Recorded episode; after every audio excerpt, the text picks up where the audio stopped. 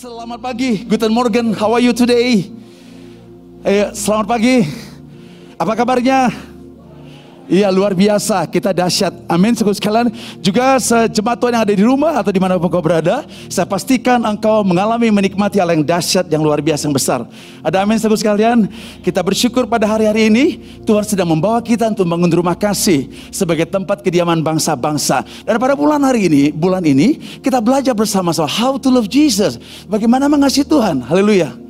Nah bulan-bulan yang lalu kita belajar bersama-sama bagaimana Tuhan mengasihi kita. Nah untuk mengasihi Tuhan maka poin pertama harus kita sadari. Saudara harus memahami. Sekali lagi saya katakan. Saudara di mana pun kau berada. Saudara harus memahami betapa besar, betapa panjang, betapa lebarnya kasih Kristus. Sekalipun untuk melampaui akal pikiran kita. Panjang, lebar, tinggi, dalam dan itu tidak bertepi. Dan kita harus pahami itu saudara sekalian. Amin. Dan bukan hanya memahami karena korban di kayu salib. Tetapi kesetiaannya panjang dan tidak berkesudahan. Amin. Setuju dengan saya? Dia tidak pernah meninggalkan kita. Dia tidak pernah membiarkan kita. Poin itu harus kita pahami dalam ya anak-anak muda semuanya keluarga harus memahami itu. Poin yang kedua saudara sekalian untuk kita belajar mencintai Tuhan maka kita harus menyadari bahwa kasih Tuhan itu memang dahsyat. Jadi bukan hanya ketika kita lahir baru, tidak. Tapi di mana pun saat kita kesusahan, saat kita punya pergumulan, kita tetap mengatakan, saya sadar bahwa kasih Allah itu luar biasa. Ketika saya diberkati, saya katakan, dia mengasihi saya. Ketika saya seret berkatnya, kita katakan bahwa dia juga mengasihi saya. Jadi tidak bergantung dengan apa yang kita alami. Amin. Ada amin Bapak Ibu yang di rumah? Ada amin. Nah hari ini kita mau belajar bahwa kalau kita mencintai Tuhan berarti konsekuensinya saya tidak boleh mencintai dunia. Katakan bersama-sama. Jemaat yang di rumah juga kata bersama. Saya tidak boleh. Kurang keras saya tidak boleh. Kurang keras saya tidak boleh mencintai dunia. Iya, kenapa? Emang tuh jadi Tuhan egois? Enggak, dia tidak egois. Dia tahu kalau kita mencintai dunia kita habis loh. Dan dia, dia tidak mau kehilangan kita. Amin. Nah satu firman Tuhan harus kita baca bersama-sama. Uh, dari uh, satu Yohanes pasal yang kedua. Satu Yohanes pasal yang kedua. Demikian firman Tuhan. Kita baca bersama-sama. Satu Yohanes pasal 2 ayat 15. Bapak Ibu Saudaraku yang ada di rumah, di mana pun kau berada, uh, buka Alkitabmu, kita baca bersama-sama ya. Uh, saya tunggu saudara uh, baca lewat mungkin lewat uh, lewat uh, uh, medsos saudara, lewat HP saudara atau lewat laptop lewat apa saja kita membaca bersama-sama ya ayat 15 16 dari Yohanes 1 Yohanes pasal yang kedua ayat 15 16 17 1 2 3 janganlah kamu mengasihi dunia dan apa yang ada di dalamnya jikalau orang mengasihi dunia maka kasih akan Bapa tidak ada di dalam orang itu Ya, ayat 16, 1, 2, 3. Sebab semua yang ada dalam dunia, yaitu keinginan daging dan keinginan mata, serta keangkuhan hidup, bukanlah berasal dari Bapa, melainkan dari dunia. Ayat 17 lebih keras, 1, 2, 3. Dan dunia ini sedang lenyap dengan segala keinginannya. Tetapi orang-orang yang melakukan kehendak Allah tetap hidup selama-lamanya. Ya, satu firman ayat 15. Tuhan katakan demikian, janganlah kamu mengasihi dunia dan apa yang di dalamnya. Iya, karena kalau kau mengasihi dunia, Alkitab katakan, maka kasih akan Allah, kasih akan Bapa tidak ada dalam kita. Ya, ini uh, menurut saya kejem banget gitu ya. Jadi kalau kau mengasihi dunia, Tuhan katakan, maka kasih akan Bapa tidak ada dalam dirimu agak mendingan di dalam firman terjemahan firman Allah yang hidup dikatakan di, dikatakan kalau kamu mengasihi dunia maka kasih kepada Bapa jadi berkurang. Ini agak lunak. Tetapi dalam eh, terjemahan baru ditegaskan, dia bilang kalau kamu mengasihi dunia, maka dipastikan bahwa kasih kepada Bapa tidak ada dikatakan. Bukan berkurang, tapi tidak ada. Jadi Tuhan gak mau main-main dan mencintai dia. Sehingga dia katakan, sorry ya, kamu tidak boleh mempunyai dua Tuhan. Kamu tidak boleh mencuri Tuhan, mempunyai dua Tuhan. Kamu menyembah Mamon, menyembah aku. Kalau menyembah Mamon silakan, menyembah aku silakan. Tidak boleh dua Tuhan. Artinya Tuhan itu tegas sekali, betul gak? Dia tidak mau dipermainkan sekali. Karena kenapa? Karena korbannya di kayu salib sudah cukup besar buat kita. Sehingga makanya kita harus tidak kita tidak boleh mencintai dunia sekali. Apa maksudnya cinta dunia itu? Ayat 16 ya. Sebab semua yang ada dalam dunia yaitu keinginan daging dan keinginan mata serta keangkuhan hidup bukanlah berasal daripada Bapa melainkan dari dunia. Jadi Tuhan katakan bahwa kamu jangan cinta dunia. Karena kalau cinta dunia, ya cintakan Bapa tidak ada saudara sekalian. Nah, apa cinta dunia itu dikatakan bahwa cinta dunia keinginan daging, keinginan mata, keangkuhan hidup saudara sekalian. Wow, saya ingin jelaskan ini saudara sekalian. Tuhan tidak mau kehilangan kita. Kita harus mencintai dia. Dalam 1 Yohanes 5 ayat 19, saya bacakan ya. 1 Yohanes 5 ayat 19 ya. Eh, 1 5 ayat 19 saya saya bacakan. Ya, 1 1 Yohanes 5 ayat 19 demikian ya. Eh, 18 19. Kita tahu bahwa setiap orang yang lahir dari Allah tidak berbuat dosa tetapi dia yang lahir dari Allah melindunginya.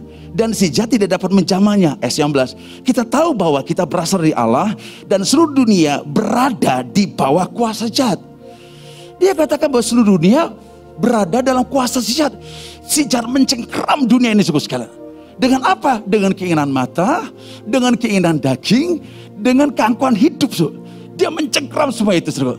saudara katakan gini, iya Yesus sudah menebus saya. Dia menjaga saya. Saya setuju, itu betul.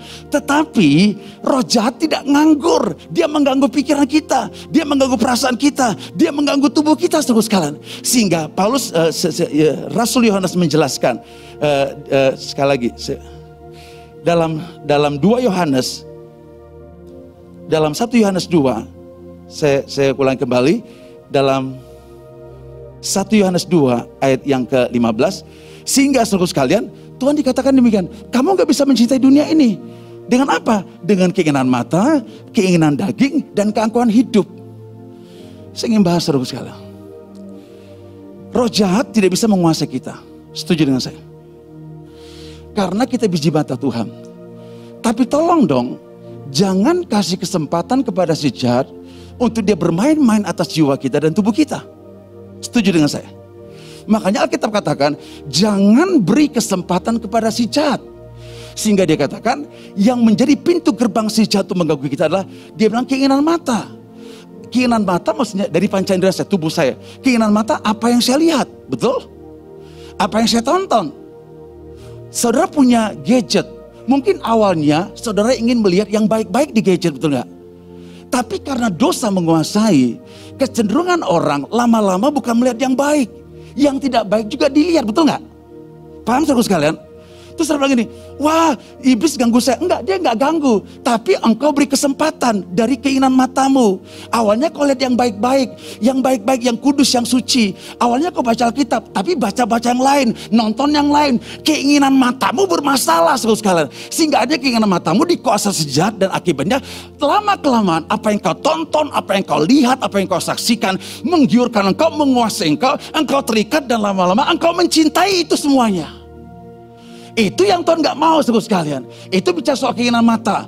Keinginan mata apa yang kita tonton, apa yang kita lihat. Yang kedua telinga, seluruh. bukannya mata telinga. Telinga apa yang kita dengar. Ada orang yang suka kepo seluruh sekalian. Suka mendengar sesuatu. Awalnya baik, baik, baik. Awal, awalnya baik. Lama-lama dengar gosip, dengar yang gak bener, dengar berita yang salah, berita hoax seluruh sekalian. Dia dengar, dia saksikan, dia dengar.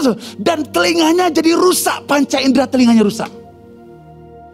Keinginan mata, telinga, termasuk keinginan mulut sekali. Karena ini bisa soal panca indera. Keinginan mulut itu apa yang kita makan, apa yang kita minum. Makanya banyak orang sakit karena dia nggak tertib yang dia makan, dia nggak tertib yang dia minum. Paham terus sekalian? Sehingga jahat masuk lo itu menguasai dia saudara. Bahkan sekalian bukan itu. Pengaturan keuangan kita, pengaturan waktu kita, jam tidur kita. Kalau jam tidur kita nggak bagus, imun kita menurun. Sehingga akhirnya dia sakit, sakit penyakit bentuk apa pun mengganggu kita. Jadi keinginan mata, keinginan telinga, keinginan mulut, keinginan daging yang menguasai kita saudara. Kita katakan buang semuanya. Kalau kau pertahankan itu, engkau cepat atau lambat menjadi bukan mencintai Tuhan, tapi mencintai dunia dengan segala keinginannya. Karena keinginan mata, telinga, mulut, lama-lama keinginan biasa. Awalnya keinginan biasa, lama-lama keinginan yang gak benar dan kau terikat dengan itu. Dan banyak orang gak jujur dalam hal ini, gak terbuka seluruh sekali. Tapi kalau dia terbuka seluruh saya percaya bahwa Allah akan menolong dia. Dia kembali mencintai Tuhan, bukan mencintai dunia dengan segala keinginannya. Halo, Paham saudara sekalian? Itu keinginan mata, termasuk keinginan telinga, mulut, keinginan seluruh kaki kita saudara sekalian. Misalnya saudara sekalian, ada orang misalnya, dia baca sesuatu, oke bagus awalnya, tapi keluar coba. Ada orang misalnya gini, dia berenang coba, dia berenang, awalnya memang berenang, tapi lama-lama keinginan matanya melihat yang nggak betul, betul nggak? Apakah langsung berdosa? Tidak, tapi keinginannya dibangkitkan. Nobody knows, but God knows. Sehingga dia bisa saja motivasi berenangnya salah, betul nggak? Bukan berenangnya salah, motivasinya salah. Jangan saudara bilang ini, wah gereja ini melarang melarang tuh untuk berenang. Enggak, enggak ngelarang. Cuma jangan sampai motivasinya salah. Setuju dengan saya, saudara? Halo. Paham saudara sekalian? Paham saya sampaikan? Yang kedua saudara sekalian, bukan ya, mari kita lihat satu firman Tuhan dari Kolose. Kolose pasal yang kelima, sorry, Kolose pasal yang ketiga, ayat yang kelima. Kita baca ya. Satu, dua, tiga. Karena itu, matikanlah dalam dirimu segala sesuatu yang duniawi, yaitu percabulan, kenajisan, hawa nafsu, nafsu jahat, yang juga keserakahan, yang sama dengan penyembahan berhala. Tadi saya bicara soal tubuh, saudara, keinginan mata, keinginan telinga, ya, keinginan mulut, saudara sekalian. Sekarang saya bicara soal dikatakan di dalam dirimu yang ada sesuatu yang duniawi, yaitu percabulan, kenajisan, hawa nafsu, nafsu jahat, dan juga keserakahan, yang sama dengan penyembah berhala. Maksudnya, saudara sekalian, tubuh saya akhirnya menyembah kepada jahat. Di sisi yang lain, saya tidak punya tubuh saja. Saya punya jiwa. Di jiwa saya itu ada perasaan, ada pikiran. Alkitab katakan, jangan, jangan sampai pikiranmu dipermainkan masih jahat. Dan tanpa disadari pikiranmu mulai mencintai dunia. Perasaanmu mulai mencintai dunia. Dan terakhir, kehendakmu mulai berjalan mencintai dunia. Paham saudara sekalian? Sehingga dia katakan matikan semuanya itu. Apa yang dimatikan? Percabulan, kenajisan, hawa nafsu, nafsu jahat dan juga keserakan yang sama dengan penyembahan berhala. Matiin semuanya. Wow. Sehingga Terus kita bilang, ya kalau gitu ikut Tuhan ya sulit ya karena dunia ini menguasai. Enggak, enggak sulit. Dia kasih sarana prasarana buat engkau dan saya. Sangat luar biasa. Dia kasih sarana prasarana buat kita semuanya. Sarana prasarana itu apa sebetulnya? Mari kita firman Tuhan kembali dalam 1 Yohanes pasal yang kelima. 1 Yohanes pasal yang kelima ayat yang ke-18 tadi sekarang. Ya, saya bacakan ya. Ayat 18. Kita tahu bahwa setiap orang yang lahir dari Allah tidak berbuat dosa. Tetapi dia yang lahir dari Allah melindunginya dan si jahat tidak dapat mencamanya. Wow. Katakan wow. Keren. Dia katakan kita tahu bahwa kita lahir dari Allah. Dan tidak berbuat dosa. Karena dia yang lahir dari Allah. Siapa? Kakak sulung kita, betul nggak? Yesus. Dia kakak yang sulung, kita adik-adiknya. Dan kita berjalan melihat dia, mengalami dia, mencintai dia. Supaya dia lama-kelamaan kita mengalami keserupaan dengan dia. Wow. Ini luar biasa message-nya. Jadi saudara beribadah seperti ini di rumah di mana bukannya sekedar bertemu dengan Tuhan, tapi satu kali kelak saudara mengalami serupa dengan Kristus.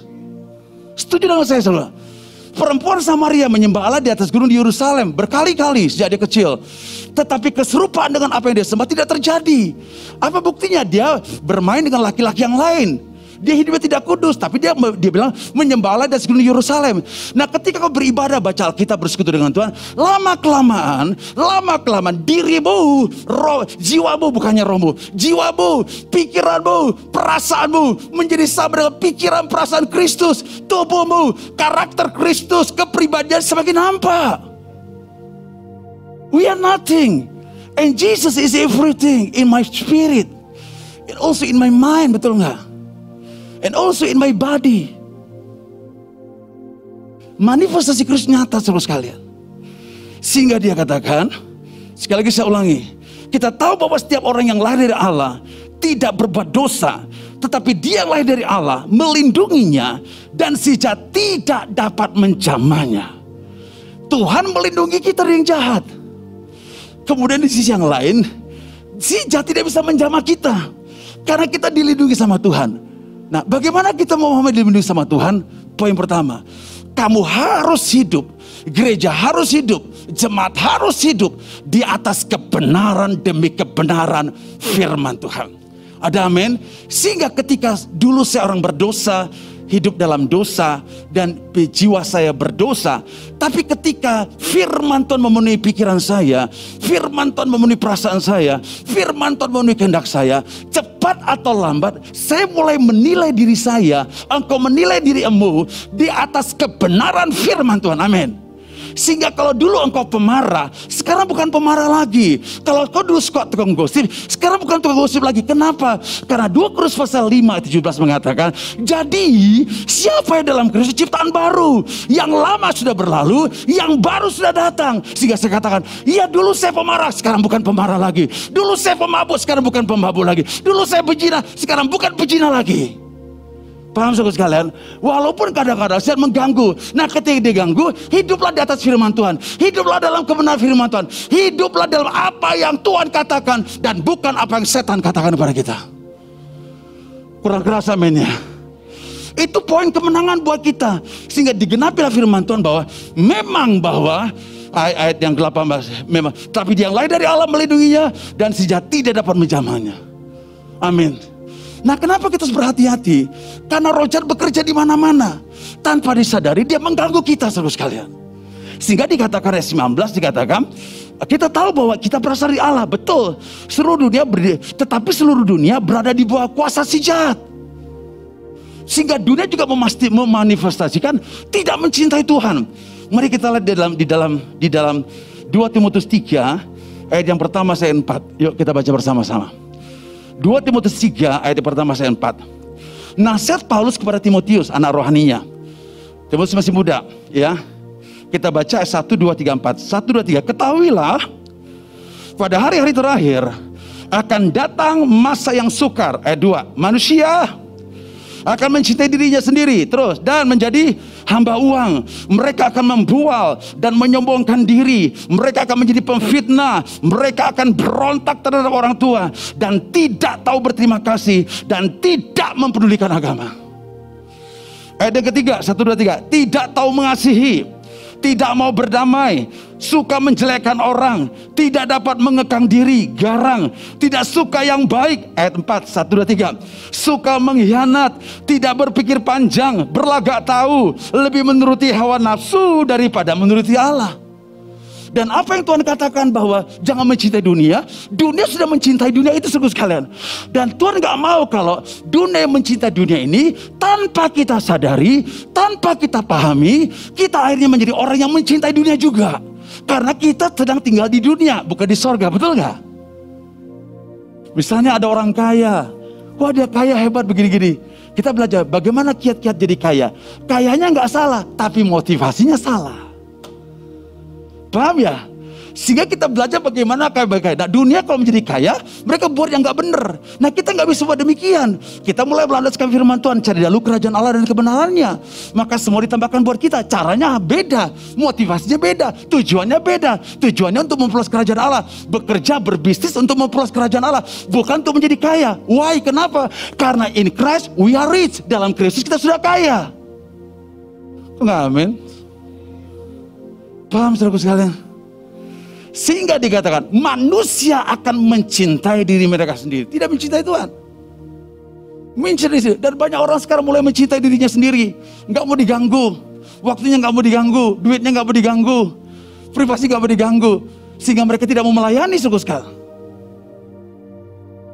Lanjut, Dikatakan manusia akan mencintai, mencintai diri sendiri dan menjadi hamba uang, mencintai uang. Ya sudah tegur dalam dalam Matius 6 ayat 24. Jangan buat dua jangan buat dua tuan, mencintai mama dan mencintai aku.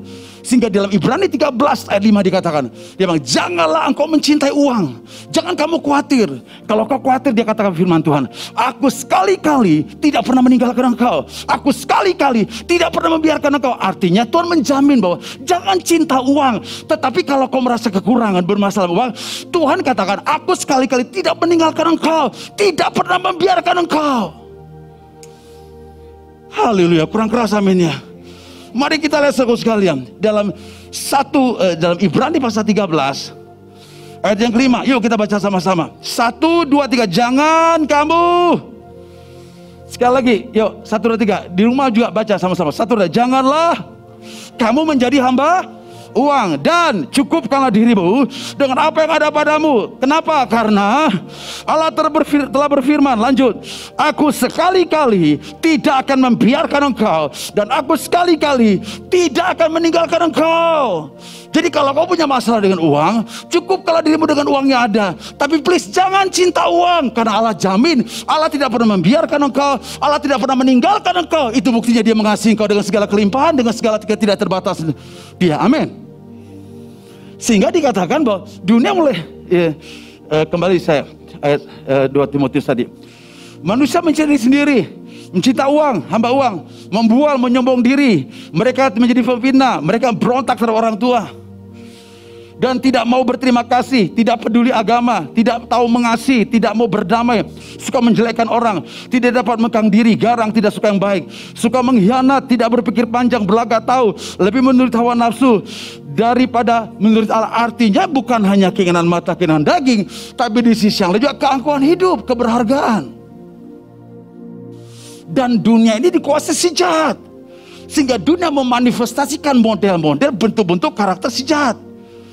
Tuhan kata nggak bisa. Dia tarik kita sekali. Untuk mencintai dia, untuk mengasihi dia. Bukan dengan kekuatan kita.